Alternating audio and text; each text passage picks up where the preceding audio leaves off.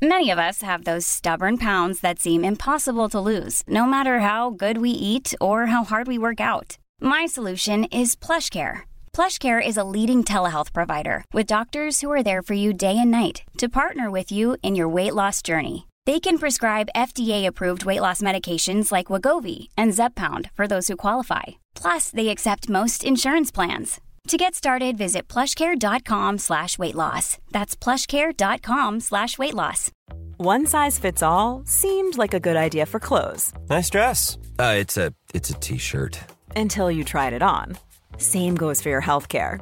That's why United Healthcare offers a variety of flexible, budget-friendly coverage for medical, vision, dental, and more. So whether you're between jobs, coming off a parent's plan, or even missed open enrollment, you can find the plan that fits you best. Find out more about United Healthcare coverage at uh1.com. That's uh1.com. Hiring for your small business? If you're not looking for professionals on LinkedIn, you're looking in the wrong place. That's like looking for your car keys in a fish tank. LinkedIn helps you hire professionals you can't find anywhere else, even those who aren't actively searching for a new job but might be open to the perfect role. In a given month, over 70% of LinkedIn users don't even visit other leading job sites. So start looking in the right place. With LinkedIn, you can hire professionals like a professional. Post your free job on linkedin.com slash achieve today. Veckans sponsor är Telia. Hos Telia samlar man mobil, bredband, IT-support, mobilväxel, allt som gör företagande enkelt. Och det är just det här att samla allt på ett ställe, att ha någon att vända sig till när det inte fungerar, det är Telia. Ett exempel på vad som inte är Telia, det är ju som när jag lyckas boka förmötet för en poddinspelning med Finansinspektionen till efter själva inspelningstillfället. Eller när jag här, här året var liksom, fick för mig att jag skulle börja springa, så jag är liksom ute och springer taggad, träffar en kompis som säger så du Jan, på måndag ska jag springa ett lopp. Och jag känner så här, ja men det låter inspirerande, så jag käkar pasta, jag byter om, tar mig ner till Malmö stadion för att göra en efteranmälan, står där i kön och sen så när jag liksom anmäler mig så tittar de på mig och säger så här, du Jan, vårhuset är bara till för kvinnor. Och eh, det var, det var typisk en situation som inte är Telia. Oavsett, ett stort tack till Telia som sponsrar, gör Rika Tillsammans möjligt, men framför allt tack till dig som lyssnar, följer och eh, hänger med oss varje vecka. Välkommen till Rika Tillsammans. Detta är dagens avsnitt. Fondägandet i Sverige.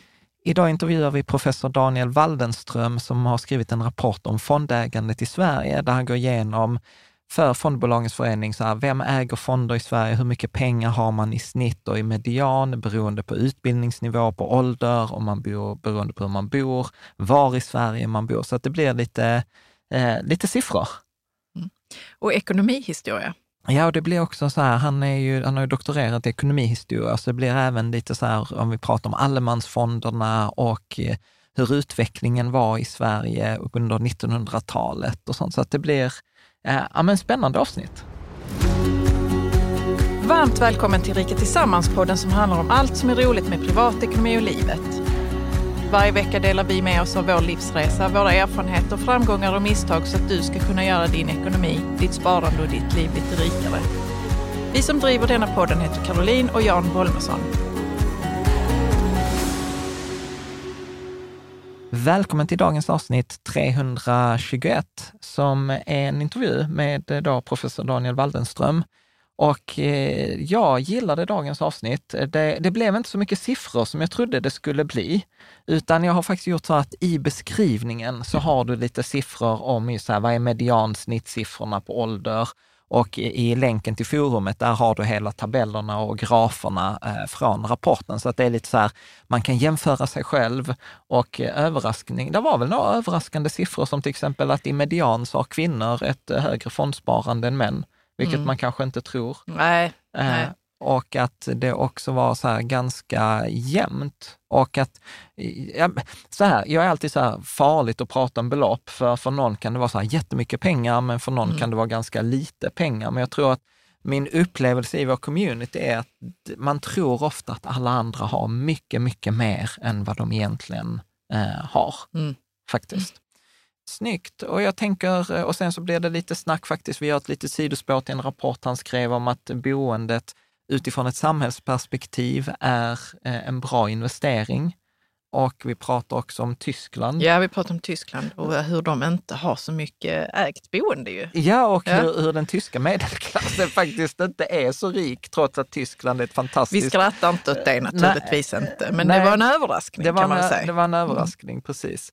Så att det blir, det blir mycket så här, ett, så här, jag skulle säga så här, ett gemytligt avsnitt. Mm. Uh, jag tycker också det var väldigt lätt att prata med Daniel. Han är ju så liksom Allmänbildad. Allmänbildad, det är kul och balanserat på något vis. Ja, mm. också och en liten, liten historia som till exempel alltså att det gör inte så mycket att svensken inte har så mycket sparande för att vi i Sverige har valt att ha till exempel ett ganska ambitiöst välfärdssystem som gör att många av de sakerna som man kanske behöver spara till eller ha koll på själv utomlands, ja men det har vi i det allmänna och att man har värderat liksom det gemensamma välfärdssystemet, alltså det är många tusenlappar i månaden om man slår ut det per, per person, in, per person mm. och per invånare.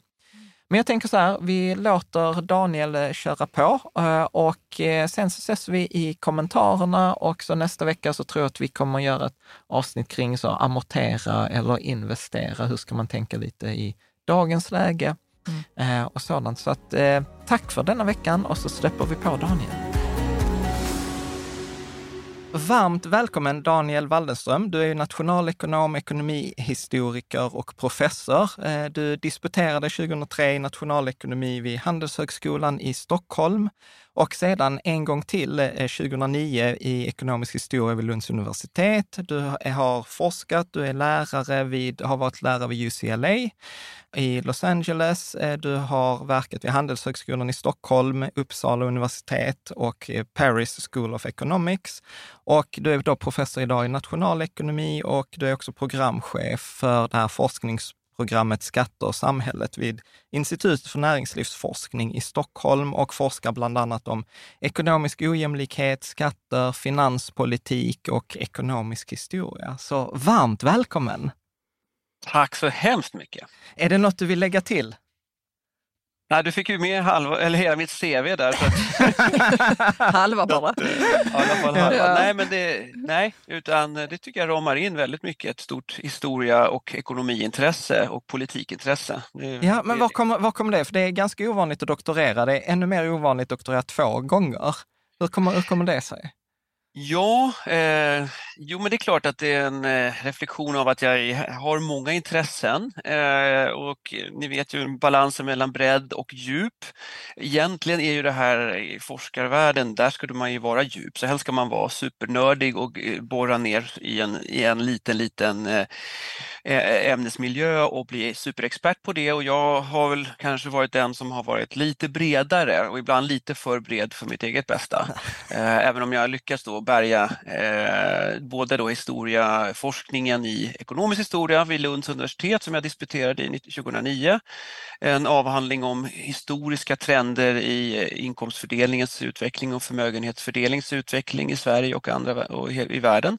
Men också den här nationalekonomiska frågeställningarna som jag eh, har burit med mig när det handlade kanske förut och ännu mer om finansiella frågor och som jag har då lite mer lämnat mot mer av välfärdsfrågor frågor, finanspolitikfrågor och sådana här saker. Så att, mm. men, men som sagt, det är en eh, balans mellan bredd och djup. Den, den balansen är svår.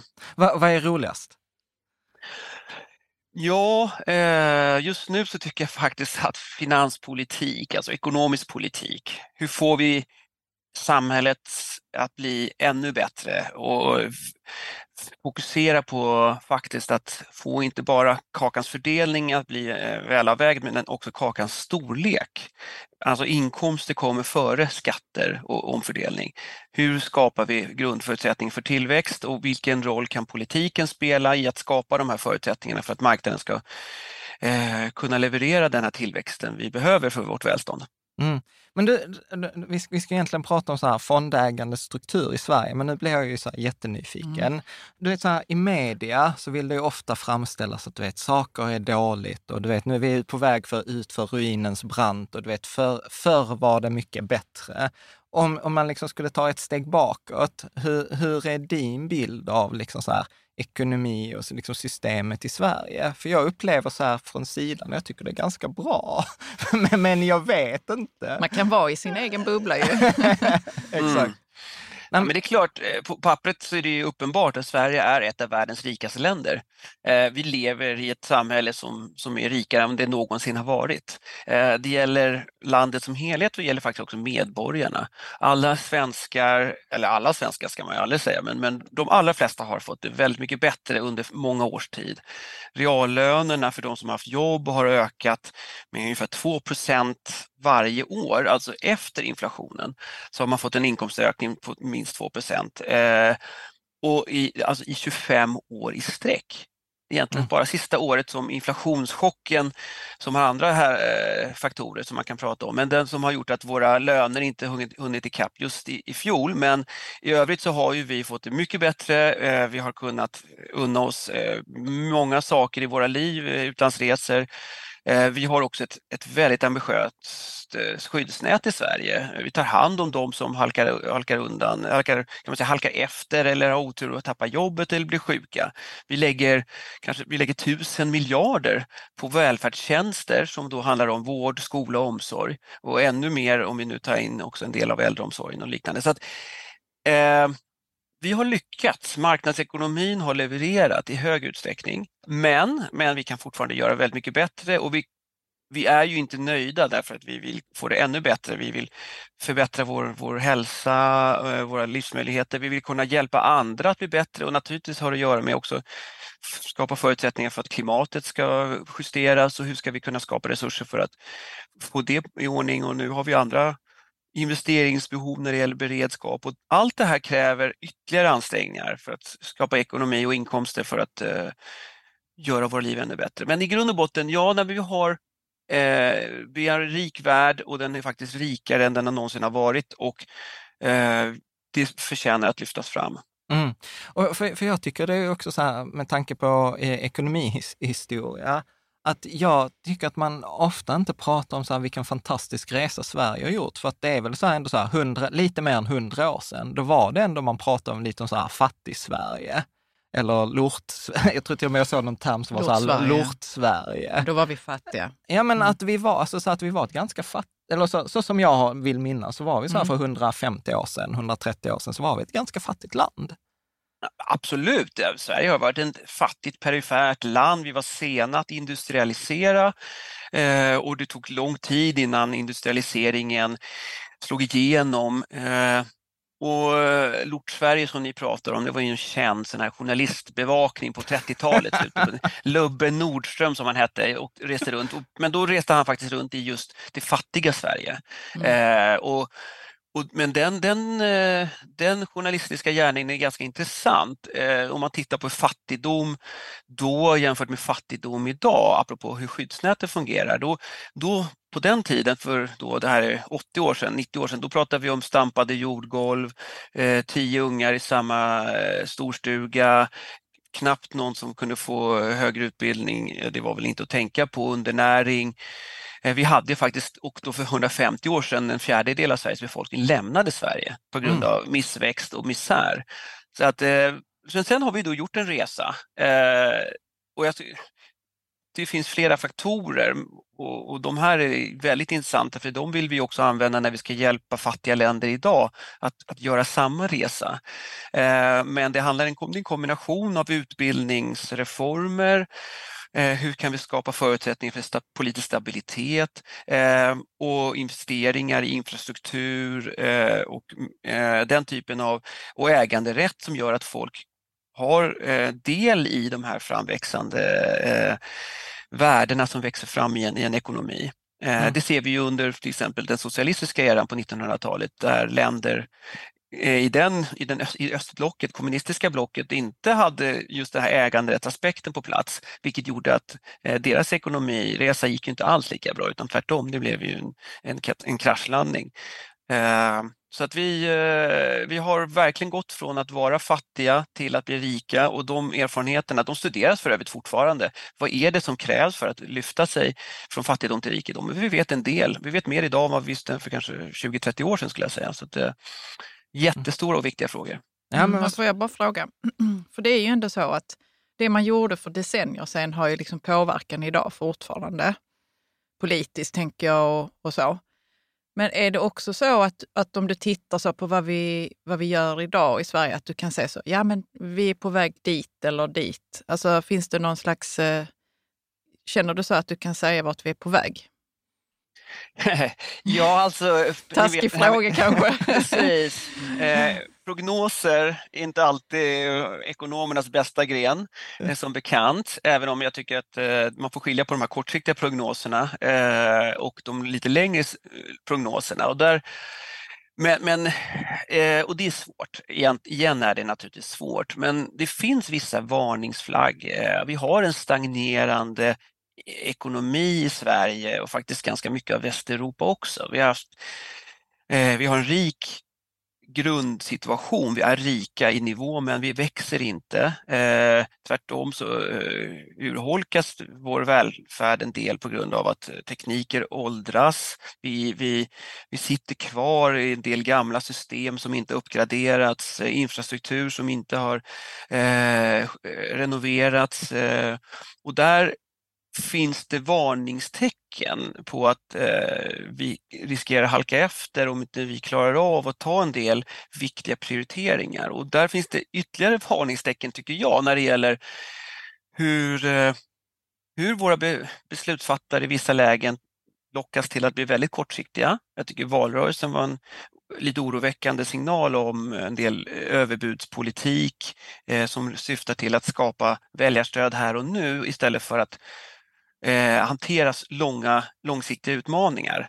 Och där, eh, så jag tycker det finns orostecken att Sverige riskerar att halka efter ännu mera och det kommer att innebära urholkad eh, kvalitet i vård, till exempel när vi märker att vi har inte tillräckligt med människor eftersom vi har inte tillräckligt med pengar för att anställa flera. Eh, längre köer, eh, tekniker för förbättring av eh, utbildning till exempel som kanske inte slår igenom för att vi kan inte ta de investeringarna och liknande. Eh, så jag tycker inte att vi ska vara fullt nöjda utan tvärtom måste vi se till vad vi kan göra ännu, ännu bättre. Mm. Ja men vad spännande. Jag bara mm. känner mig helt så. mm. Jo men det, är, men det är lite typ det som man själv har känt. Så även, jag läser ju eh, dagstidningen och så och, och, det är också alltid ett drama i dagstidningar, men det är ändå som att man får en känsla så för att vissa system är eftersatta i Sverige och att liksom vi har typ inte pengar att ta hand om dem. Jag tänker som järnvägen till exempel eller vårdsystemet och så. Så, så nu när du säger det så känns det, och du har ju liksom, du är ekonomihistoriker, så känns det så, åh, vad jobbigt, det var sant. alltså, både och. Jag tycker både det och. finns en mm. välkänd tendens inom media att lyfta fram negativa aspekter eh, och kanske just blåsa upp eh, konflikter och motsättningar och sådär. Jag tycker att det finns eh, mycket att ta vara på, men man ska mm. komma ihåg, vi har Visst, vi har begränsat med resurser, men till exempel vi pratar om att nu ha eventuellt en budget, eh, ett budgetutrymme som kommer komma nu i höstens budget som regeringen lyfter fram på ytterligare 40 miljarder i satsningar. Då kan man ställa det i relation till att offentlig sektor, stat och kommuner, regioner samlar varje år in nästan 2400 miljarder. Alltså 40 miljarder kontra 2400 miljarder. Så vi rattar massor av resurser Eh, som, som vi vill då sätta in i vår, våra välfärdssystem och våra andra infrastrukturer och liknande. Men vi, en del av de här frågorna handlar om att kanske omprioritera. Vi, har, vi samlar in mer än 40 procent av alla inkomster i skatt varje år.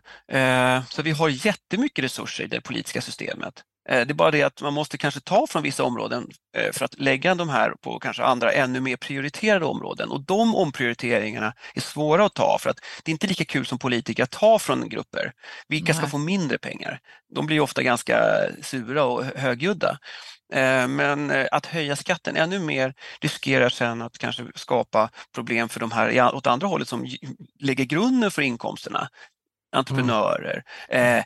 eh, yrkesarbetande som, som vill jobba ännu mer och, eller unga som ska satsa på en utbildning. Hur får vi dem att vilja jobba hårt och, och anstränga sig? Då, då, finns det ett tak för hur mycket skatt vi kan ta ut. Mm. Stora frågor. Ja, mm. men spännande. Det känns som det, detta vi får göra det. Vi får göra ett annat ja. avsnitt på det här. Jag, jag, jag, jag tror jag lite... Ja, nu, har jag, ja men, då, men nu gör vi, eh, vi, vi tar lite vändning här. Ja, ja. precis. Nej, men jag tänker vi kan faktiskt ta lite avstamp också i historia. Du, du hjälpte ju Fondbolagens förening med en rapport eh, förra året eh, som heter då Fondägandets struktur i Sverige, en empirisk undersökning. Och jag som är lite nördig och i communityn så finns det ju inte så himla mycket siffror längre på hur det ser ut för den genomsnittliga svensken, liksom på förmögenhetssidan. Och eh, då tänkte jag liksom att vi skulle ta lite så här höjdpunkter och lite, liksom, lite frågor från, Eh, från den där. Men jag tänker att som vi har pratat om ekonomihistoria, kan vi inte ta avstampet där? För då skrev du också i den här rapporten att på typ, ja, innan 70-talet så fanns det inte något stort ägande i Sverige. Och sen var det, skrev du, tror jag, att i, i den att det var två stora reformer, allemansfonderna 84 och premiepensionen typ 95, som gjorde ganska stor skillnad. Kan du inte beskriva lite den där resan, liksom så här, att hur vi gick till att bli ett, liksom där vi med pensionen har nästan 100 procent av svenska befolkningen har ett ägande i fonder. Mm. Nej men absolut, jättegärna. Och den här frågan om fonder har ju jag liksom alla andra känt till, men, de har funnits där någonstans i vårt sparande och man de, de diskuteras ibland i media men de har inte riktigt lika samma framskjutna position som kanske aktier och aktieägande, aktieinvesteringar och liknande. Men i takt med att jag satt mig in i det här och även tittat historiskt så känner jag att fondägande är ju en revolution och det är en oerhört viktig innovation både för hela länder men också för, för hushåll och privatpersoner. Det här är en, en demokratisering av marknadsekonomins allra bästa sidor, nämligen den långsiktiga avkastningen som, som riskkapital och risk, riskfyllda investeringar kan leverera samtidigt som vi då skapar ett verktyg för att minimera de här riskerna och lägga ägg i olika korgar. Alltså det är en helt eh, fantastisk innovation för alla oss som inte är experter på enskilda företag och har tid att följa börsen och prognoser och rapporter utan här har vi liksom, vi får liksom del av den uppsidan eh, med mycket mindre risk. Alltså jag är eh. så glad att jag har detta på video. Ja, jag sitter här och ler hela tiden när du pratar. Ja, nej men faktiskt. Och, jag tycker, och det här är inte heller någonting som är, är taget i luften utan det visar sig när man tittar på den här utvecklingen är det en enorm framgångssaga. Idag, det har gått från, precis som vi sa här, att på 70-talet ägde inte folk fonder. Det fanns helt enkelt inte den typen av instrument tillgängliga förrän allra, mot allra slutet på, på 70-talet som de började skapas. Eller det fanns några eh, föregångare lite här och där med i ränderna, men det var väldigt marginellt.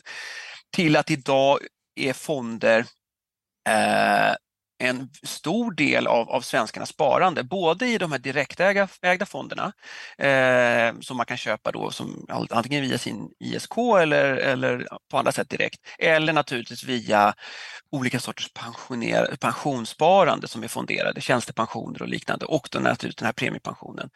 Tillsammans utgör de här alltså hälften, idag, hälften av alla våra finansiella tillgångar. Eh, och det är bara ett bevis på hur viktiga, eh, viktig fondindustrin är. Och det är också, då, också fascinerande någonstans hur osynlig fondindustrin är i diskussionen ofta. Eh, och det var en kombination av finansiella innovationer på kan vi säga, början på 80-talet. De här instrumenten skapas av nytänkande finansaktörer eh, som vill attrahera folk till att investera på börsen och å andra sidan eh, politiska beslut. Eh, både USA och Sverige, jag tycker de två länderna har faktiskt gått i bräschen för att eh, reformera och uppmuntra folk att spara i fonder och är helt enkelt att man gör skatte, eh, skatteförändringar som gör det mer eh, skattemässigt gynnsamt att spon, eh, satsa i fonder. Vi hade de här allemansfonderna och allemanssparande, det tror jag kanske många svenskar har hört talas om, men det mm. var sånt som infördes på 80-talet och gjorde att vi fick en väldigt kraftig ökning i fondinvesteringar och fondsparande under 80 och 90-talen. Eh, fram till eh, kan man säga att ja, någon gång 2000-talet och då har det planat ut men, men på en, ligger då på internationellt hög nivå i Sverige.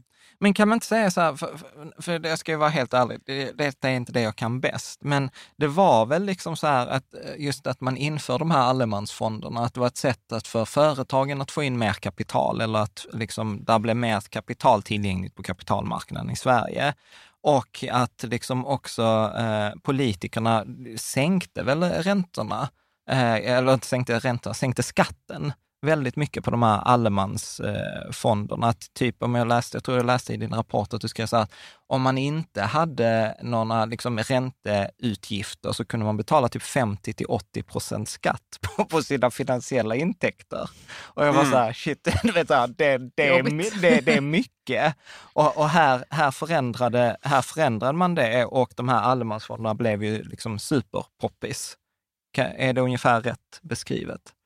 Ja, men det är ungefär rätt. Jag menar, I grund och botten så insåg man att eh, vi behöver attrahera eh, sparande för att kunna göra, för att förbättra investeringsunderlagen i, i näringslivet. Eh, och jag tror att man var orolig att hushållen kom, på 80-talet kanske framförallt kom det upp en, en, en situation där eh, folk, folks konsumtion Eh, blev kanske lite för aktiv tyckte man på den tiden. Man ville uppmuntra sparandet, man hade till och med tvångssparande i vissa sammanhang. Men det här skattegynnade sparandet var just att eh, få in eh, med ganska enkla medel folks eh, intjänade inkomster till att eh, investeras istället för att konsumeras.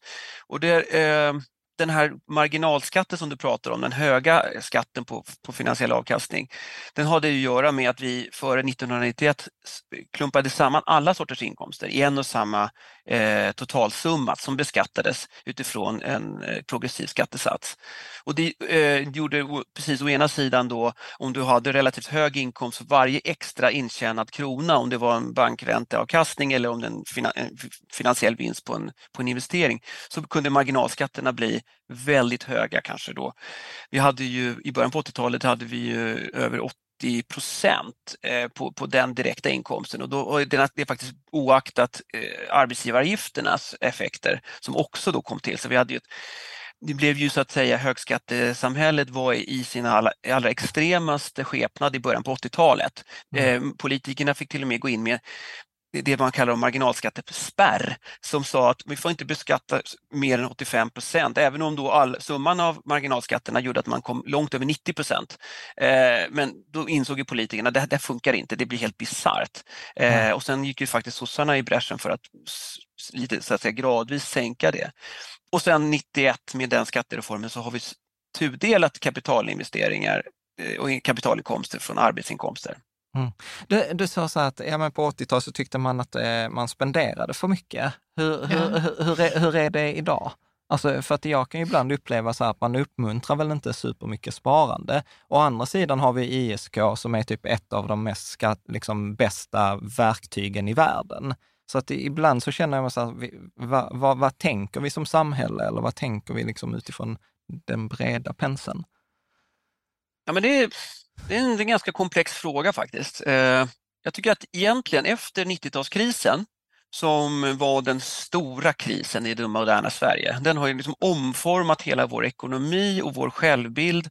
Eh, vi, var liksom, vi gick som tåget efter andra världskriget. Vi var inte med i kriget och vi kunde gynnas av det och vi dessutom eh, var ett framstegsvänligt land på väldigt många sätt. Arbetskraftsinvandring, tillväxt eh, och sen gick det där i, i stå under de här strukturkrisproblemen som uppstod på 70-talet. Alltså, allting avstannade på grund av att vi hade för lite eh, incitament att göra saker tiden hann ikapp oss.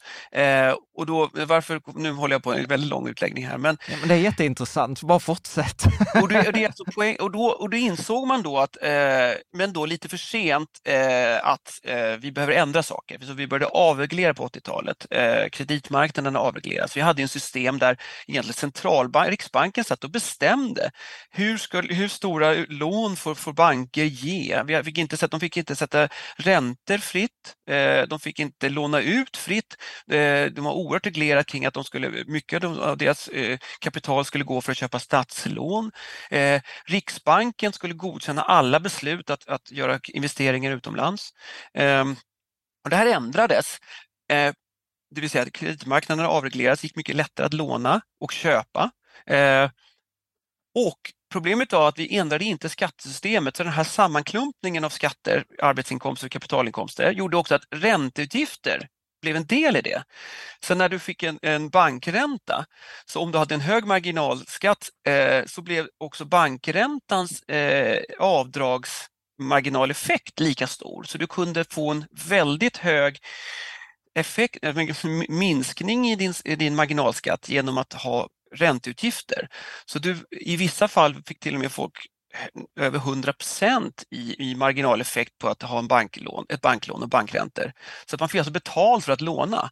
Och det skapade en jättestor eh, eh, konsumtionsboom som framförallt gick in i fastighetssektorn och då ville man helt enkelt gjuta, liksom ta det lite, få folk att ta det lite lugnare. Eh, och det här ledde sen till en kris. Efter den krisen och med, med de reformerna som uppstod sedan dess eh, när det gäller då Eh, Eh, finanspolitiska stabiliteten i ram, det här ramverket som vi pratar om, oberoende centralbank och en del avregleringar, så har vi i Sverige, tycker jag, en mycket större respekt för hur för liksom spontaniteten i aktörers beteende. Alltså, har vi för högt sparande, för lågt sparande? Det beror ju på, men det beror ju på vad, hur vi själva beter oss. Jag tycker att det, och tack och lov finns inte de här stora pekpinnarna längre. Eh, och, eller oss iven att specifikt styra, detaljstyra. Oj, nu måste vi få upp sparande lite, nu måste vi tvångsspara eller liksom ändra i någon liten detalj. Utan vad är det för folk, vad, vad vill folk lägga sina pengar? Jo, det beror ju på. Alla har ju sina eh, horisonter, men det som faktiskt finns i sparandet ganska stort, det är faktiskt bostäder och pensioner som inte syns. Men vi, mycket av våra inkomster och värdetillväxter ligger i våra bostäder. Och man kan säga att en del av de avkastningarna som återinvesterar vi i bostadssektorn. Och så att vi, det blir ett sparande för oss. Och vi investerar genom att bygga upp kapital, jag menar, renovera våra hus och liknande. Och också att vi gärna lägger en del av våra inkomster in i pensionssparande. Så vi låter ju arbetsgivarna betala in i, många då, i tjänstepensioner istället för att vi tar ut det som lön och, och köper, köper saker för.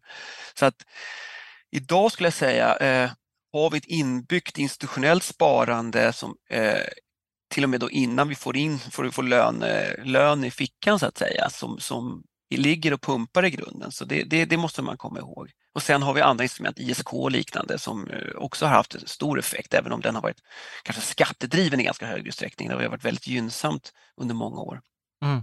Men, jag vet inte, det här, det, min, min grundpoäng är inte bara att det finns det är inte så mycket rätt och fel, ligger vi för högt eller ligger vi för lågt, utan det finns en, mera, större en respekt inför att vi ligger där vi ligger. Folk responderar utifrån vilka priser som, som finns för att spara ja. och investera eller konsumera. Men jag, nej, men jag tycker att det är superintressant. Eh, för, att, men, för jag tror många, som på min ålder, jag är född 81, så är det så här att vi har liksom aldrig riktigt fått den där bilden av hur det såg ut förut, utan man är ju väldigt centrerad kring där man själv lever de tio åren innan. Och sen när jag själv har grävt i detta ibland, så du vet när man träffar äldre personer, gärna äldre herrar som vill förklara för en hur det egentligen ligger till, så säger de så ja ah, men på min tid, då var det 17 procents eh, ränta.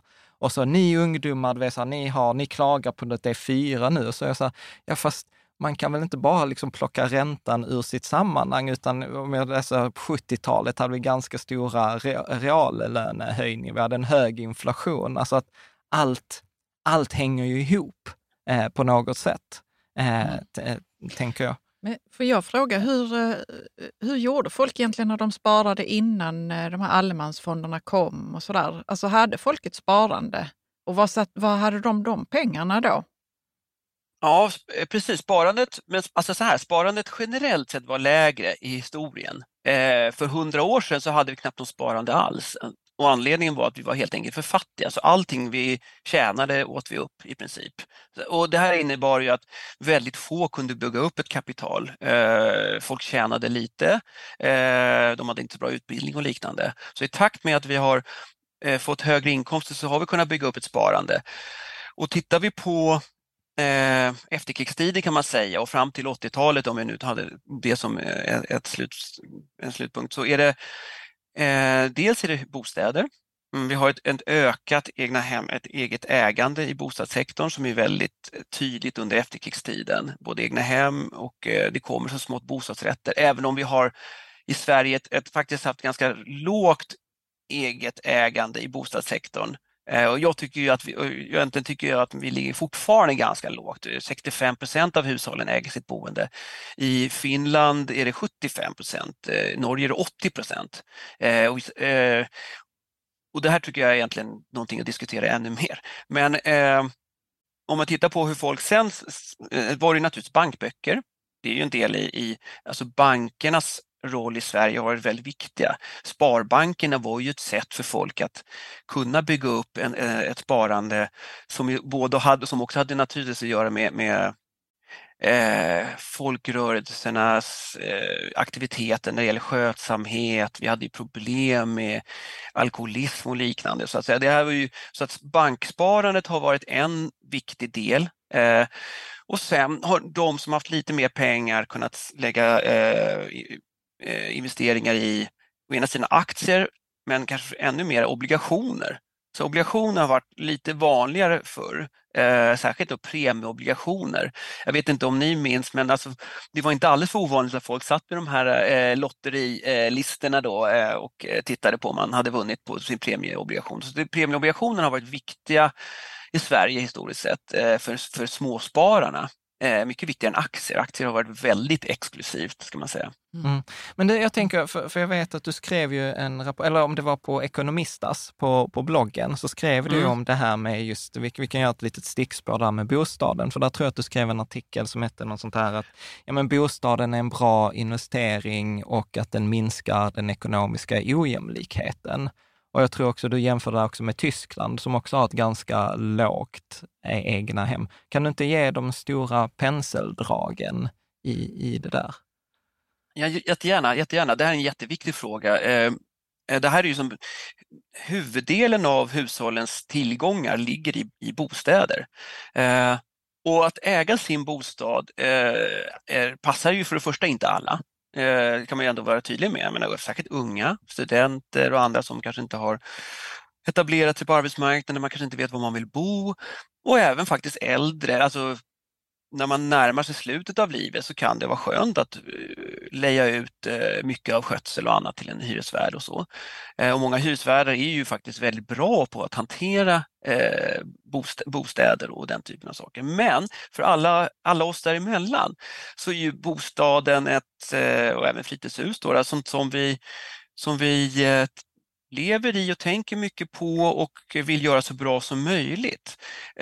Och den, det ägandet innebär att man eh, investerar mer och, eh, och tar bättre hand om de bostäder man faktiskt äger. Det finns ganska mycket forskning, alltså det är inte lätt att visa men forskning visar att hyrda bostäder slits generellt sett mer än, än ägda bostäder. Så vid kapitalförstörelsen, om man nu ska uttrycka sig drastiskt, är, är större i, i det hyrda boendet än i det ägda boendet. Så att, eh, och det andra är att eh, tittar man historiskt så är bostadsägande en ganska bra investering. Eh, jag tycker egentligen när jag pratar med folk så säger jag egentligen som faktiskt en första punkt, köp inte ett primärboende liksom där du ska bo med, med, fokus på att det ska vara en investering. Ni vet, vissa tänker ibland så, men det tycker jag är en väldigt farlig eh, strategi därför att det kan gå upp och det kan gå ner. Vi har haft tur under ett par, tre decennier nu, men det kan, många av oss kunde inte förutse det. Jag tyckte ju bostäderna i Stockholm var övervärderade i slutet på 90-talet eh, och liknande. Så det säger någonting hur svårt det kan vara. Man kan, men, utan där är det viktigt att du får en bra bostadsnytta. Det ska vara huvudpoängen naturligtvis för ditt primära boende. Eh, men det visade sig att det är historiskt sett och inte bara i Sverige utan i hela västvärlden har det här varit ett, en, en, en investering som gett en avkastning som varit nästan lika stor som aktiemarknadens generella genomsnittliga avkastning, men till halva risken. Mm. Alltså fluktuationerna i, i bostadspriser är mycket, mycket mindre än, än fluktuationerna i aktiepriser, aktiekurser. Så att, eh, och sen när det gäller fördelningen, alltså förmögenhetsfördelningen, så är det en väldigt tydlig effekt att om, om, eh, om det är många som äger bostäder så har vi också en väldigt stor del av förmögenheterna som är, som är brett fördelade. Och de länder som har mycket eget, boende, eget ägt boende är länder som har, mycket, har lägre förmögenhetsskillnader. Eh, och Tyskland är ganska, det är lite lustigt exempel för där är eh, hyresboende väldigt utbrett. Det är nästan det västland som har allra mest flest eller största andel eh, hushåll som bor i hyrda bostäder. Och trots att Tyskland är så rikt, eh, det är väl Europas rikaste land i princip om man tänker sig för de stora länderna, så är det faktiskt alla de här förmögenhetsundersökningarna visar att de har den fattigaste medelklassen Om vi nu tittar på vad folk äger i reda pengar. Och det har att göra med att folk äger inte sina bostäder. Eh, och det är inte som sagt bara ett noll eller liksom antingen eller, men det är en, en, liksom ytterligare en aspekt av att ägda boendet då både är en liksom bra investering, det slits mindre än det än hyrda boendet plus att det ger en jämnare förmögenhetsfördelning. Så jag tycker det finns väldigt mycket för politiker och, och oss andra att tänka på när det gäller att diskutera vilken sorts bostadssituation ska vi premiera i, i, i våra samhällen. Mm. Men är det inte också så att det blir ju ett deltagande på något sätt i finansmarknaden, plötsligt så har du en tillgång som dessutom ofta är med eh, liksom belånad. Att du har liksom en hävstång på det där. Och, och, att man, de flesta har en ganska lång horisont, vilket är det som brukar, tänker jag, funka på finansmarknaden. Så här, lång tid, liksom, eh, du, du, gör, du har ganska låga transaktionskostnader och du har dessutom en möjlighet till, ja, men till belåning. Kan man tänka så? Ja, så kan man tänka. Eh, det är klart att det, det där är, liksom, återspeglar lite av en, en kanske lite så här historisk situation där vi har haft väldigt stora eh, prisökningar på bostadsmarknaden som har skapat det här utrymmet att eh, belåna bostäderna för att göra andra investeringar. Ofta kan det ju handla om eh, kanske bilköp. There's never been a faster or easier way to start your weight loss journey than with plush care. PlushCare accepts most insurance plans and gives you online access to board-certified physicians who can prescribe FDA-approved weight loss medications like Wigovi and Zepbound for those who qualify. Take charge of your health and speak with a board-certified physician about a weight loss plan that's right for you. Get started today at plushcare.com slash weight loss. That's plushcare.com slash weight loss. plushcare.com slash weight loss. Since 2013, Bombas has donated over 100 million socks, underwear, and T-shirts to those facing homelessness. If we counted those on air, this ad would last over 1,157 days. But if we counted the time it takes to make a donation possible, it would take just a few clicks. Because every time you make a purchase, Bombas donates an item to someone who needs it. Go to bombas.com slash ACAST and use code ACAST for 20% off your first purchase. That's bombas.com slash ACAST, code ACAST. Life is full of what ifs. Some awesome, like what if AI could fold your laundry? And some, well, less awesome, like what if you have unexpected medical costs? United Healthcare can help get you covered with Health Protector Guard fixed indemnity insurance plans. They supplement your primary plan to help you manage out of pocket costs. No deductibles, no enrollment periods, and especially no more what ifs. Visit uh1.com to find the Health Protector Guard plan for you. Så att, eh, som man tar på huset istället för eh, i, ett, hos ett, i ett billån. Eh, men det är klart, riskkapitalinvesteringar Eh, jag menar, det ser ju inte banken, eh, även om de frågar vad ska jag, vad ska du göra med pengarna? Jo, vi kanske ska, vi funderar på ett köksrenovering, sen whoops, så gick man och köpte aktier. Så...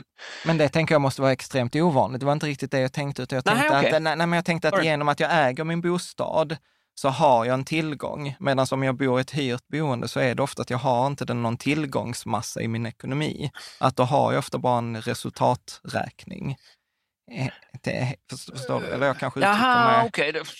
Uh, alltså det beror lite på. Alltså, man kan tänka sig två helt identiska uh, hushåll i förmögenhetstermer. Alltså säg att ja. de är, uh, äger i princip 100 000 netto. Då ja. kan man tänka sig att den som bor i det hyrda boendet har 100 000 kronor på banken Ja. Eh, men den som äger kanske har ett hus som är värt 4 miljoner men skulder för 3,9 miljoner så har man då ett, ja.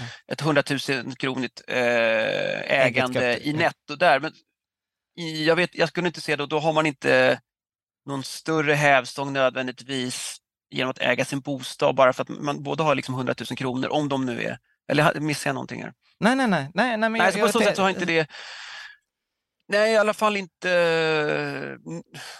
Nej, jag kan inte se att det blir en jättestor, extra stor liksom säkerhet för eh, aktieinvesteringar. Nej, nej, nej, men det, det, det, det tänkte nej, jag inte. Nej, jag utan, inte. Men vi kan, vi, kan, vi, kan pausa, vi kan pausa det så jag, jag får tänka. Mm. Jag, jag, ibland kan jag ha otur när jag tänker.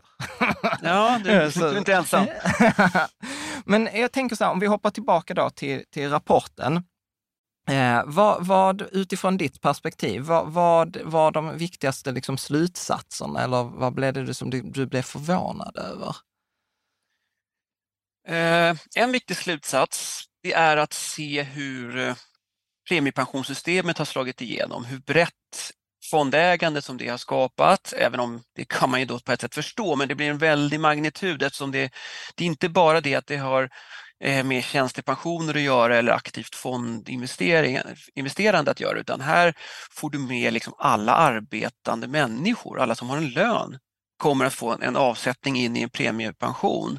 Eh, och det gör att eh, fondägande har verkligen blivit en, en demokratiseringsaspekt av ägar eh, och att fonder spelar en väldigt stor roll. Det tyckte jag var spännande att se hur, även om vi har haft en stor ökning i antalet fondägare sedan 70-talet, eller sedan början på 80-talet, så blev då premiepensionen en väldigt kraftig ytterligare nivåhöjning.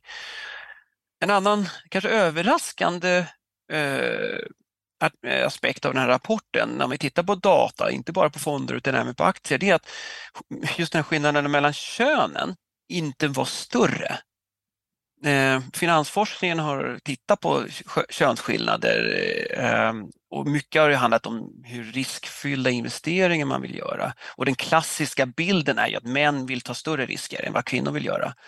Ehm, och det här kan vi diskutera om det är så eller hur kontextberoende det är och liknande. Det finns ju många aspekter av det. Men, men eh, Eh, det, hade, det tyckte jag att det var som var fascinerande var att det, i alla fall i den mån vi kan mäta till exempel olika sorters fonder, aktier, rena aktiefonder eller rena räntefonder och så. Det är lite svårt i data eftersom det är mycket blandfonder och liknande. Så var i alla fall inte skillnaderna mellan kvinnors och mäns fondägande särskilt stora. Det fanns lite skillnader då, men det tyckte jag var lite överraskande. Ja, men precis. Jag, jag antecknade här när jag, när jag läste rapporten att det stod så här, ägardeltagande mellan kvinnor och män var 46 versus 44 procent.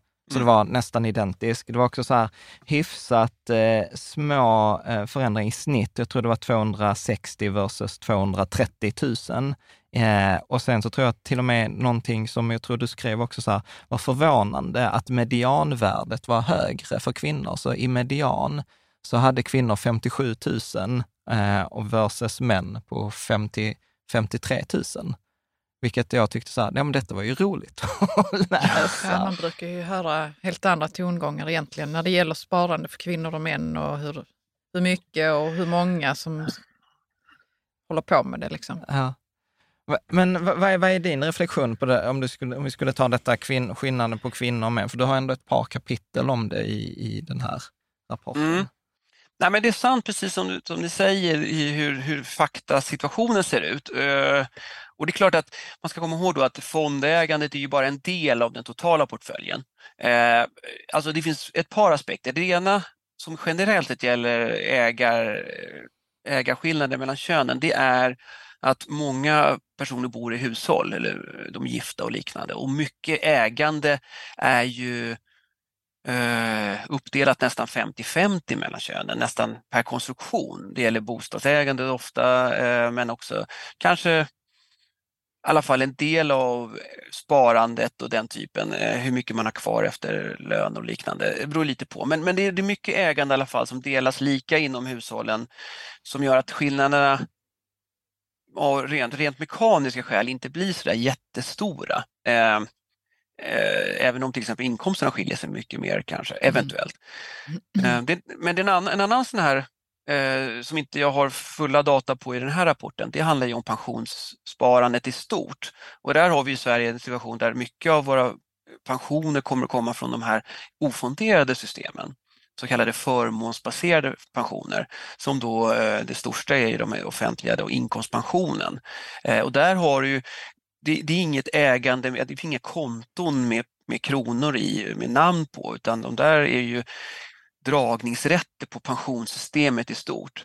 Och där, och där, där har du en ännu större effekt om du har jobbat många år, vilken lönenivå du har haft och det har man diskuterat nu. Om du, jag menar, den klassiska situationen är hemmafruskap, om du har varit hemmafru och rattat hela hushållsekonomin men då inte tjänat in några sådana här pensionsrätter, eh, då har du en liten dragningsrätt, på, då har du liksom få pensionspengar i att vänta och de, och de skillnaderna tror jag är större mellan könen än i det här direkta fondägandet och även det premiepensions aktieägandet som, som eh, av, struktur, som av strukturella skäl blir, blir på det sättet. Liksom. Men... Ja, och där tycker jag man kan, precis, och det är en annan diskussion, hur ska vi fundera kring det? Vad, vad är vägen ut ur det? Där, där har man ju olika åsikter. Jag tycker att en ganska intressant aspekt av, av att utjämna Eh, eventuella alltså pensionsinkomster mellan könen, eh, mellan partner då, då i, eh, eh även i det här ofonderade pensionssystemet, inkomstpensionen, då tycker jag egentligen eh, på samma sätt som en ESO-rapport, alltså en expertgruppen för studier i offentlig ekonomi som kom för en 6-7 år sedan som föreslog att man faktiskt delar lika mellan pensionspoängen eh, i, i, hushållet. Eh, och anledningen är att man, som alla som alla bor i familjer, man, man har ju man, gör, man gör, försöker göra det bästa av situationen i vardagen. Eh, och det kan vara så att eh, vi har barn och vissa jag menar, nu kan det vara så att, om nu, att mammorna hellre vill vara mer hemma med barnen, om det nu, så det, varför, varför det är så kan vi diskutera. Ofta är det så. Ska man då bli straffad för om man går ner i lön, inte bara genom att få en lägre lön och kanske sämre karriär, men också sämre pension. Det, det är liksom en dubbel bestraffning som känns taskig eftersom det, då har man gjort en överenskommelse i hushållet. Eh, om den ena jobbar mera och den andra jobbar lite mindre för att mm. få vardagen att gå ihop, så ska man också då få olika pension. Jag tycker att en, en, ett enkelt sätt att lösa det är faktiskt att dela alla pensionspoäng som man samlar in eh, i, sin liksom, eh, i sitt upplägg delas mm. lika. Därför att det tycker jag är ganska, då gör att mycket av den här hemmafru eller hemmamans problematiken försvinner, i alla fall utifrån pensionsaspekter. Det finns andra mm. aspekter av allt det här naturligtvis. Mm, ja men såklart. Men jag fattar inte hur man ska hålla koll. Alltså, koll på det. Om man är gift så visst, men, då kan man Det ju... behöver inte vara så praktiskt. Nej, jo, nej, men jag tänker om man skiljer sig så ja, men då ja. måste man ju liksom, då måste det sluta. Liksom att man delar det 50-50. Ja, ja. Självklart, utan, men ja. alltså, det är inte svårt att... Eh, nej, det, det är inte det. det är inte svårt nej, men alltså, att, att, bara eh, helt enkelt summera och dela pensionspoängen inom ett, eh, en registrerad par, eh, relation, så att mm. säga. det är inga, inga mm. problem. Mm. Ja, det, är en stor, det är en annan diskussion, ja. men den är intressant. Ja. Men du, jag tänker så här, eh, att vi såg också så här på de här historiska graferna, alltså på fondägandet, så gick det ju typ från noll på 80-talet.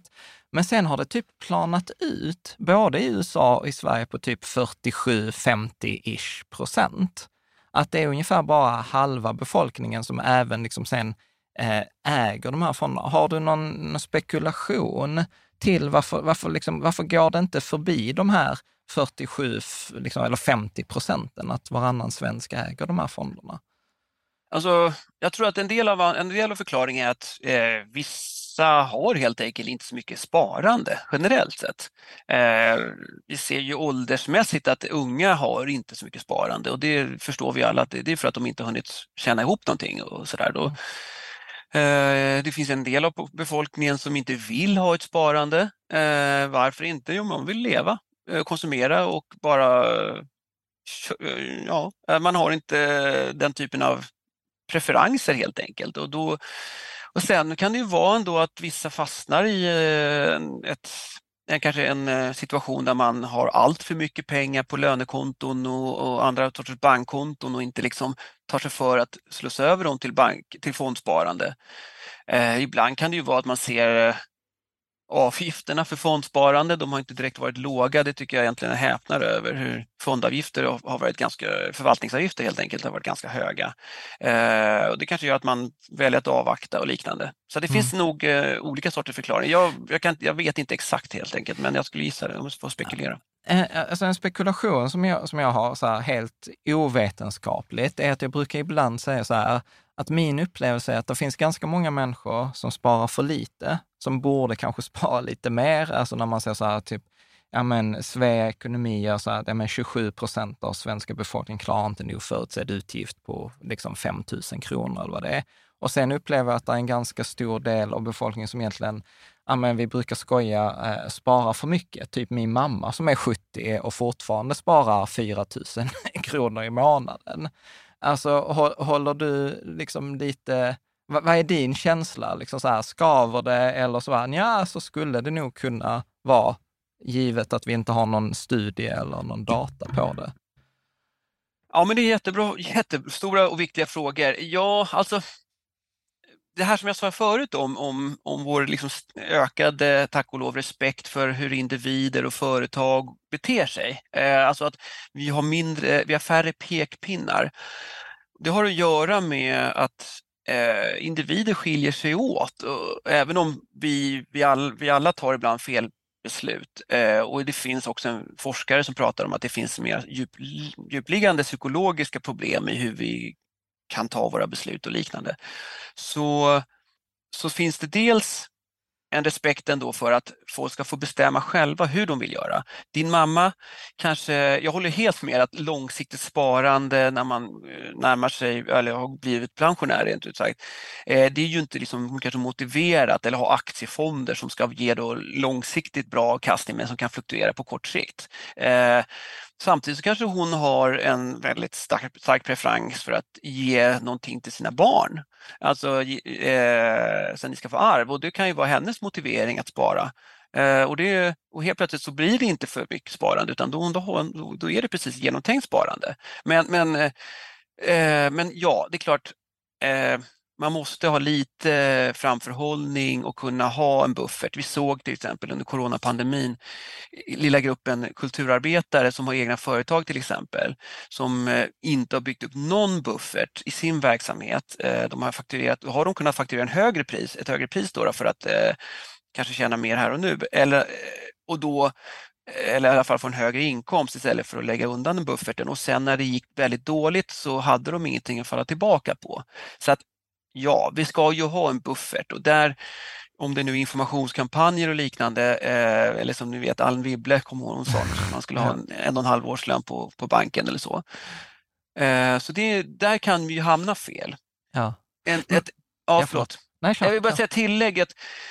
I Sverige har vi också så, när det gäller en del av sparandet, sker ju också i det offentliga genom att vi betalar skatt. Och vi, betalar, vi betalar ganska mycket skatt som gör att när vi åker på de här riktiga smällarna, eh, vi får cancer eh, eller när vi får barn som ska få högre utbildning eh, eller när vi blir äldre och behöver omsorg, då har vi faktiskt betalt för det, eller de yrkesutövarna de betalar det i skatt. Och den typen av stora sparutgifter eller sparmotiv som finns i andra länder, de har inte vi på samma sätt i Sverige eh, privat, utan där sparar vi via att vi betalar skatter för det. Mm. Och det tror jag någonstans att folk vet om och det är en anledning till att vi inte heller också bygger upp mer finansiellt sparande i, i, i hushållen tror jag. Mm. Nej men precis, Nej, men jag tycker det är jättefint. Vi har en tolvåring som, som ibland hänger på så här TikTok eh, och hon kom, pappa, behöver jag en college fund? Och så fick jag liksom möjligheten mm. att förklara, liksom så här, nej i Sverige behöver vi inte en college fund för att liksom, det, det, det, har vi liksom via samhället och liksom kunde prata om det där med, med skatter och, och sånt. Men jag tänker också så här, i, i rapporten så pratar du också så här fondägande över eh, livscykeln. Eh, och eh, där eh, tänker jag också att det såg ganska eh, så här klassiskt ut. Alltså att ja, men vi har lite pengar, växer och sen liksom så minskar det ju äldre vi blir. Var det någonting som du tänkte stack ut eh, i det där? Nej, men jag slog faktiskt av samma sak som du Jan. Eh, alltså att det ser så förväntat ut. Ja. Folk har inte mycket sparande när de är unga vuxna eh, och eh, bygger sen sakta upp ett eget sparande eh, i både boende naturligtvis men också fonder och då eh, fram till ungefär att man pensionerar sig. Sen börjar man konsumera upp eh, och, eh, efter, efter pensioneringen och det tycker jag ändå var slående att de mönstren finns så tydligt som vi då nästan då på ett teoretiskt plan kan räkna ut att det, det borde vara. Även om det finns, man kan fundera på nivåer. Eh, en sån här frågeställning är varför har precis de allra äldsta fortfarande så mycket pengar på banken? Eh, de kommer ju, alltså, en stiliserad modell är att de inte ska ha några pengar på banken. Precis, att, det, att, man föds med noll och man dör med noll. Liksom. Ja, eh, och att egentligen enda, eller den allra enklaste modellen att det, att det ens finns arv att ge till barn, det är för att folk inte riktigt vet när de dör. Så de kan inte pricka den här döds, att det kommer på noll precis dagen före döden, utan då råkar man dö ett par år tidigare och då råkar man ha för mycket pengar kvar och då får barnen sitt. Liksom. Men sen finns det naturligtvis andra motiv som vi har pratat om för att ge, ge arv. Men, men, eh, nej, men jag tyckte nog ändå att det var slående att vi, det var så pass lite anomalier eller avvikelser i, i just åldersprofilen. Mm. Mm. Men hur är det med om man har en förmögenhet? Man föds, man har en förmögenhet i familjen och sen så växer man upp med den förmögenheten. Ser det annorlunda ut då när man dör? Alltså man konsumerar typ inte upp den nu utan man får en annan typ av utbildning. Förstår du vad jag menar? Alltså det finns här generationsförmögenheter. Det var kanske inte så mycket i rapporten, men har du någon tanke kring det? Men det är en jättestor fråga kring familjeföretagande till exempel. Där har vi en speciell sorts förmögenhet. Alltså generellt sett så är det som när vi har förmögenheter hos barn så är det i princip alltid på grund av gåvor. Mm. Eh, det vill säga intergenerationella överföringar, en, ett, ett förtida arv nästan. Eh, och det är klart att det där, när man tittar på förmögenhetsskillnader bland barn så är det väldigt stora skillnader. De allra flesta barnen har ingenting, eh, men några barn har har fått av sina morföräldrar och farföräldrar eller, eller föräldrar. Eh, I vilken mån det där präglar? Ja, eh, de allra rikaste tror jag tampas en del med den här frågeställningen. Hur ska vi hantera, eller, ja, eller allra rikaste behöver inte vara, men om man har en, en, en viss position, finansiell förmögenhet som, som hushåll, hur ska vi göra gentemot våra barn? Det tror jag vi är många som tampas med. Ska vi låta dem eh, förtjäna sitt eget levebröd och bygga upp sin egen, eh, sin egen förmögenhet för att det är viktigt att få den normen och lära sig och jobba hårt eller ska de inte få det? Eh, Andrew Carnegie, en känd amerikansk eh, sån här miljardär för hundra år sedan, hade just en sån princip att barnen skulle inte spolieras utan de skulle få, alltså även rikas barn, de skulle liksom in, egentligen inte ens få någonting. Warren Buffett, miljardären i USA, han har också sagt att han ska ge bort alla sina pengar, eh, inte ge någonting till sina barn och så. Eh, men det finns ju bevisligen, om vi tittar på Stockholmsveckan i Visby på somrarna, liksom finns det barn som har fått i den kategorin som har fått kanske en del. Men vad som är rätt, jag, det, jag tror nog att det präglar men det kan mm. också skilja sig även inom de här grupperna av välbeställda. Mm.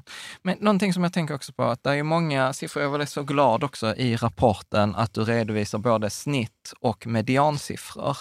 För att ofta får man ju bara snittsiffrorna och då kan det ju lätt vara så här, ja men snittsvensken tror jag det var typ 200, ja men så här, gruppen 50 till 64, de är värda i, i snitt 277 000 eller liksom 65 och äldre, då var det 449 000. Men sen när man tittar på medianen så var den kanske 50 000. Så mm. att liksom, har du liksom någon, hur ska man tänka när man tittar på liksom siffror kring då snitt och median? Ja, men snitt och median eh, är en jätteviktig, eh, två jätteviktiga statistikor. Eh, snittet är helt enkelt eh, summan av alla, allt sparande delat på antal sparare. Och Det som gör att det kan vara missvisande för hur du är i, liksom för, den, för medelsvensson, om man säger, det är just att om du har några väldigt stora tillgångar så kommer de dra upp snittet potentiellt sett väldigt mycket. Eh, medianen, eh, mitt, det vill säga den eh, personen som står precis i mitten mitten av alla, eh, mitten av fördelningen av fondägande, det vill säga den personen som har lika många som har större fondägande som, som, de har, som det finns personer som har mindre fondägande. Den personen blir ju liksom en mera en, en representativ person för hur vanligt folk har det. Så därför tycker jag, och den har känt i den här rapporten, jag tycker generellt sett att jag vill titta på median gärna, för det kan skilja sig väldigt mycket. Aktieägande naturligtvis är en annan sån här, eh, men generellt sett med förmögenhet kan det skilja sig väldigt mycket, eh, median och medelvärde. Men var det något som stack ut för dig i, i det där? Alltså att det är ja, men sex, sju gånger högre snitt än det median?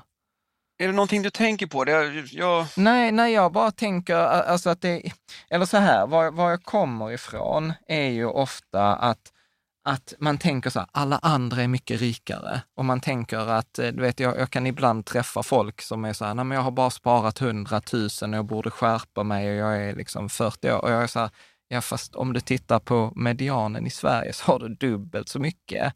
Att, att snittet är liksom missvisande och att det blir, nej men att vi jämför oss fel. Det är nog det som jag tänker ofta eh, när, när jag pratar med andra människor kring det. Ja, jag vet inte faktiskt. Eh, det är liksom tudelat. Ja, på ena, å ena sidan så kan det ju vara, jag ser på mina barn också hur de en period när de satt och pratade bara när det gäller sport och fotboll, då pratade de bara hur mycket alla de här superstjärnorna tjänade. Mm. Eh, och det är liksom fantasisummor. Eh, och alternativt, oh, jag, ska bli, eh, jag ska bli influencer eller, jag ska bli, alltså, eller liknande. Och då mm. när jag, jag har, så ser man ibland att jo, men bland alla influencerna så tjänar ju 99% i princip noll kronor.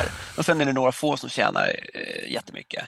Och där är ett exempel på just där medianen är noll och där genomsnittet kanske är någonting mycket större. Ja. Eh, samtidigt så spelar de, eh, de här referenspunkterna då med de rika, de kan ju inspirera Eh, och, och, faktiskt också ge en liten vecka, vara en liten väckarklocka ibland. Att vi, eh, ja, men vi kan göra bättre.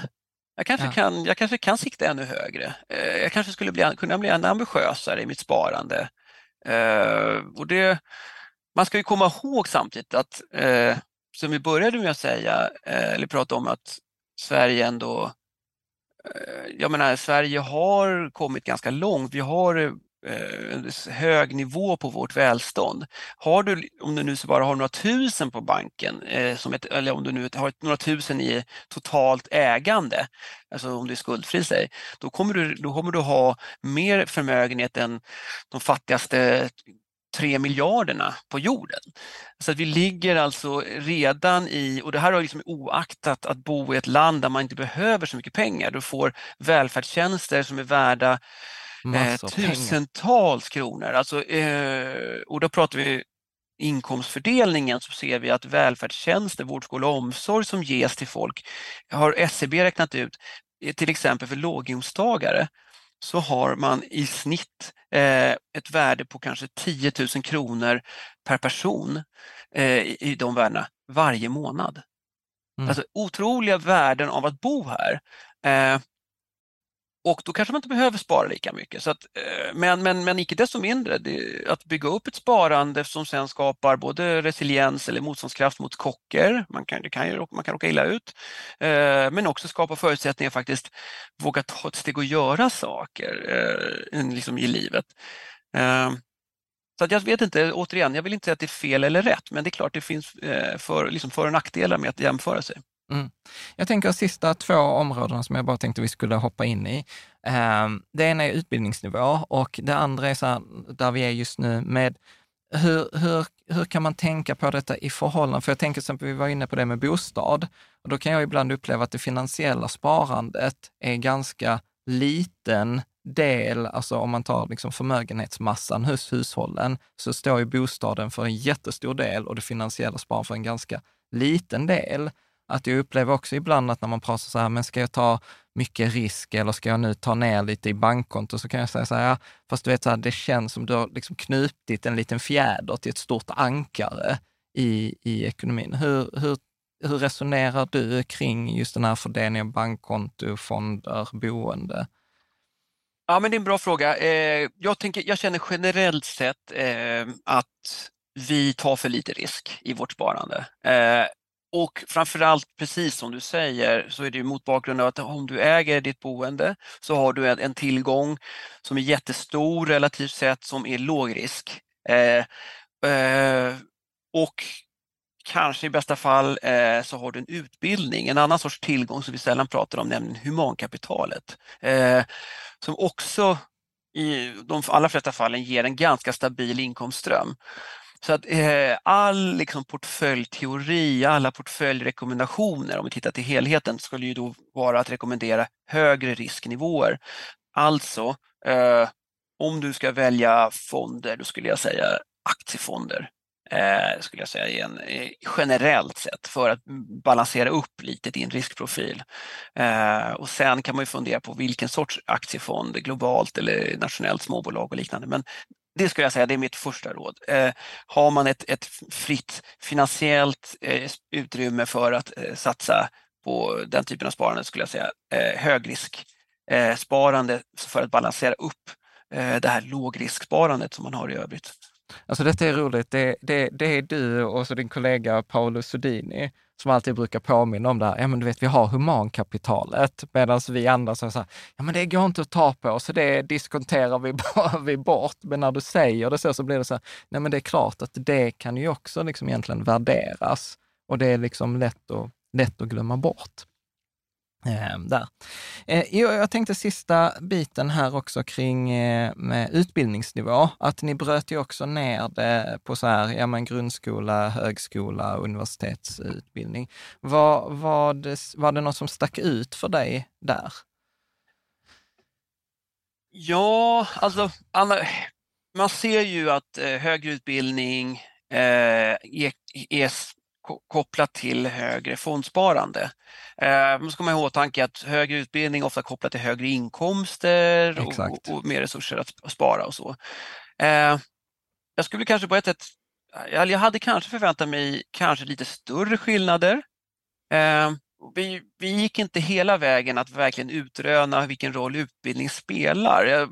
Till exempel eh, så, så fanns det inte riktigt utrymme inom, eh, inom den här rapporten att titta på just till exempel ISK-sparande som ju har varit nästan objektivt sett skattemässigt gynnat, eh, i, i en miljö med låga räntor och höga kapitalvinster på börsen. Det är ju liksom skolexemplet för när en, en, en ISK med den beskattningsuppbyggnaden som i princip är, det är ju i princip förmögenhetsskatt på, på, på, allt sparande inom ISK.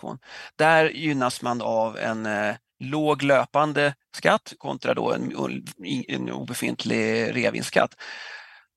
Skulle den det här kräver ändå en viss förståelse. Då hade jag tänkt att det skulle vara ett, eh, intressant att se eh, utbildningsskillnader i ISK-sparande utifrån att mm, om man förstår att, alltså finansiellt eh, mässigt, att man förstår att det här är en bra investeringsform. Eh, jag, I rapporten kunde de inte riktigt utröna de här sakerna men eh, jag kanske på ett sätt glädjande att det inte är större skillnader, att även folk med lägre utbildning, eh, formell utbildning ska vi säga då, ändå hänger med på många, på många sätt i de här fondsparandet. Och det tycker jag egentligen är en, en av de här fantastiska egenskaperna i fondsparande. Det är en sån tillgänglig sparform. Den är enkel, enkel att förstå, enkel att, att komma in i. Eh, och sen eh, Ja men det tyckte jag, ja, men på ett sätt att det var mindre skillnad än jag hade kanske trott eh, ändå. Mm. Nej men precis. Nej men jag blev också lite, lite förvånad och, och positivt överraskad. Alltså så här, när jag läste den så var jag så här, ja men fan, detta är ändå schysst. Alltså detta är, detta är liksom så här, gott betyg för Sverige, gott betyg för liksom fondbranschen. Eh, jag tänker så här, Daniel, är det någon fråga som du tycker vi borde ha ställt? Eller något som vi har missat? Ja, alltså det finns ju jättemånga viktiga frågor, intressanta frågor, så som du får igång mig så kan vi dra, dra iväg här tyvärr. Men, eh, frågan om skatter är en stor fråga. Eh, som vi inte pratat om så mycket. Eh, vi, vi, jag har precis träffat folk i fondbranschen och de diskuterar ju, kanske inte så primärt bara för, för privatpersoner viktigt, men eh, omläggningarna nu i premiepensionen. Jag vet inte mm. om ni har uppmärksammat det i podden, men där Lite grann, va? Mm. Man har just, mm. det pågår just nu en, en upphandling eh, i, i mm. premiepensionssystemet med den här nya myndigheten eh, som då och då, till min överraskning så är de svenska fond, fondbolagen ganska missnöjda med hur det här strukturerat. Det är väldigt komplicerade eh, formulär, alltså oerhört ambitiösa formulär och krav på de som vill sälja in sina fonder till, fond, till premiepensionssystemet. Och det handlar, också, det handlar naturligtvis om de här skandalerna som mm. vi eh, har hört om och läst mycket om. Då, då. Men som vi ska vara lite uppmärksamma. Det finns lite varningsflagg om att det kanske nästan bara är stora eh, amerikanska fondbolagsjättar som klarar av de här eh, formulären och, och, kriterierna. Så vi skulle kunna få en, en väldigt stor andel utländska eh, stor fonder och flera stycken, alltså om Blackrocks kanske 20-30 stora fonder blir, alla kommer klara av att komma med utifrån de här för, på förhand satta kriterierna medan de svenska fondbolagen klarar inte det och kommer inte ens finnas med då i premiepensionssystemet. Mm. Det, är en, det är en spekulation, eller rättare sagt en osäkerhet i det, men det är en sån här diskussionspunkt som finns just nu i alla fall. Mm. Men ja, det och skatter, det är i alla fall två stora frågor som... Eh, men, kan du inte säga något, precis, men kan du inte säga någonting kort då om skatter? Jag vet alltså att vi, jag tänker så här, vi kommer få göra fler avsnitt om du är okej okay med det. ja. men, men kan du ge en så här eh, liksom cliffhanger eller eh, vad, vad tänker du kring, kring skatter? För jag, jag, vet ju, det var ju aktuellt, men jag vet inte om du lyssnar på Andreas Cervenkas eh, sommarprat. Han var ju också inne och berörde skatterna i Sverige kring, på kapital. Ja, just det. Jag hörde inte det avsnittet, men jag har läst en del vad han skrivit och sådär, men jag vill inte egentligen kommentera det särskilt mycket. Mm. Däremot så kan man säga att eh, fondbeskattningen kan man säga har förändrats eh, under 10-talet.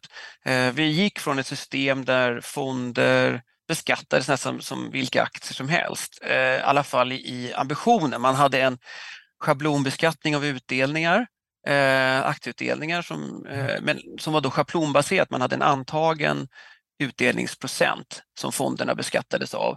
Eh, för då, då. Och sen hade du en revinstskatt eh, om man sålde fondinnehavet med en, med en vinst. Efter 20, från och med 2012 så har vi snarare ändå en löpande kan man säga, förmögenhetsbeskattning av fondinnehav. Och det har väl förenklat fondägande och beskattningen. Jag tycker egentligen det är ett helt klart ett steg i rätt riktning. Och sen kommer ju då också ISK som har förändrat förutsättningen för folk att, att eh, förändra sina, sitt sparande, sina portföljer.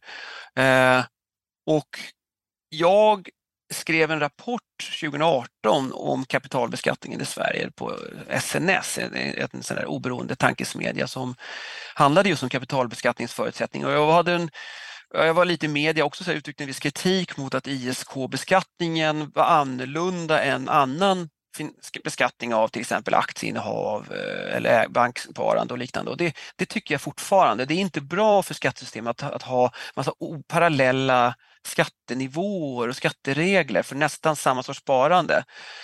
Eh, för att det skapar då ja, det skapar liksom olikheter. Folk börjar liksom väga in kanske mycket skattehänsyn när de väger, eh, investerar snarare än kanske produktivitetshänsyn.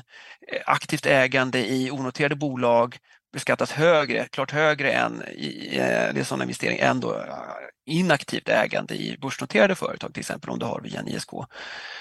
Så det är många sådana, beskatt, många sådana, sådana extra frågor som, som kommer upp eh, som behöver diskuteras ännu mera. Mm. Eh, och är, är, den, är den diskussionen i, igång, upplever du? Eller för att jag kan, jag kan inte säga att jag har direkt liksom hört någonting att det diskuteras. Att det dyker ju upp någon gång då och då att det är kanske dags för en ny skattereform och att vi borde se lite annorlunda. Men jag upplever lite den frågan som död. Ja. Eller? Jo, lite Alltså både och. Alltså förstås är det en gigantisk fråga som eh, lever men är väldigt stilla liv. Eh, fokus i den politiska debatten har ju legat på andra håll. Eh, och ja. Faktum är att skattefrågor var väldigt frånvarande i valrörelsen. Och jag tror väl att det kommer kunna komma tillbaka. Eh, frågorna, de här specifika frågorna kring hur vi beskattar aktivt ägande kontra inaktivt ägande, det tycker jag är en jätteviktig fråga som behöver diskuteras, men den diskuteras precis som ni säger alldeles för lite. Eh, frågan om ISK var ju lite med, det var ju i valrörelsen, några sådana här uh, utspel om att man skulle ha ett, ett, ett, en viss andel skattebefriat eh, sparande och man diskuterar... Ja, att det var upp till ett visst belopp skulle ja. det vara skattefritt och, och så var det liksom, ja. Ja, och det är klart att eh, där, det där är väl kategorin rent valfläsk. Eh, och den är inte så... Den kan man diskutera. Jag, jag tycker egentligen det är inte bra, det är nästan aldrig bra när politiker går in och detaljstyr för mycket. Man lägger in detaljregler som ska ändra någon liten aspekt av någonting för då skapar man de här, den här liksom minskade översynen och, ökar komplexiteten. Så, det, så jag är egentligen ganska skeptisk mot den typen av regler. Eh, vi kommer kanske kunna komma in och säga att vi har en miljö när vi, vi har nästan inga kapitalvinster, vi kommer, det kanske inte kommer bli så, men vi däremot har mycket högre räntenivåer, då kommer inte ISK-sparande vara lika skattemässigt gynnat som det har varit. Vi kanske kommer kunna se ett utflöde ur ISK-fonder. Jag vet inte, jag har inte följt riktigt om hur det, har, hur det har sett ut, det kanske ni gör. Men, ja, men jag, ehm, tror, jag, jag, tror tyvärr det är så här, det har inte slagit än, utan det kommer, väl nu, det kommer väl nu i november när nya statslåneräntan sätts. Just det. Då, då, tror jag att det kommer bli mycket mer så här frågan, så här, oj, oj, nu blev det hög, mm. hög skatt, ska, ska vi ta ut? Uh, så jag tror, jag tror att det är, den, den frågan är nog två månader bort eller tre månader bort. Ja, men det är sant, bra poäng. Och det, och det är klart, vi responderar, vi svarar på, på, på prisförändringar. Mm. På samma sätt som vi drar ner på elkonsumtion när elpriserna går upp och liknande så kommer vi att svara på eh, hur vi har våra, tar våra sparbeslut beroende på vad som avkastar bäst. Ja. Eh, så det, det, det är ja. rimligt att tro. För, för jag vet ju att den frågan lever i allra högsta, vi har haft den rätt mycket nu på sista tid bland företagare, där man kan välja då mellan ofta kapitalförsäkring till exempel och en mm. och fonddepå. Där just precis som du säger, eftersom de reglerna är annorlunda, så börjar man liksom så försöka optimera och tänka så här, men ska jag göra det eller det där? Och det är kanske, jag kan ju ibland gilla enkelhet, att det har varit mycket så här, det spelar inte så stor roll eh, liksom, med det där. Du Daniel, ett fantastiskt stort tack. Det är så att klockan, vi har bara pratat nästan en och en halv timme. Eh, stort tack för att du tog dig tiden och ge oss både liksom en historisk eh, exposé lite. Ja, det var kul. ja, ja, men det är så här, man, jag, jag gillar historia och tack också för rapporten och artiklar du skriver på Ekonomista, så jag vet att du också rätt mycket i media och skriver eh, artiklar etc. Så att stort tack! Tack!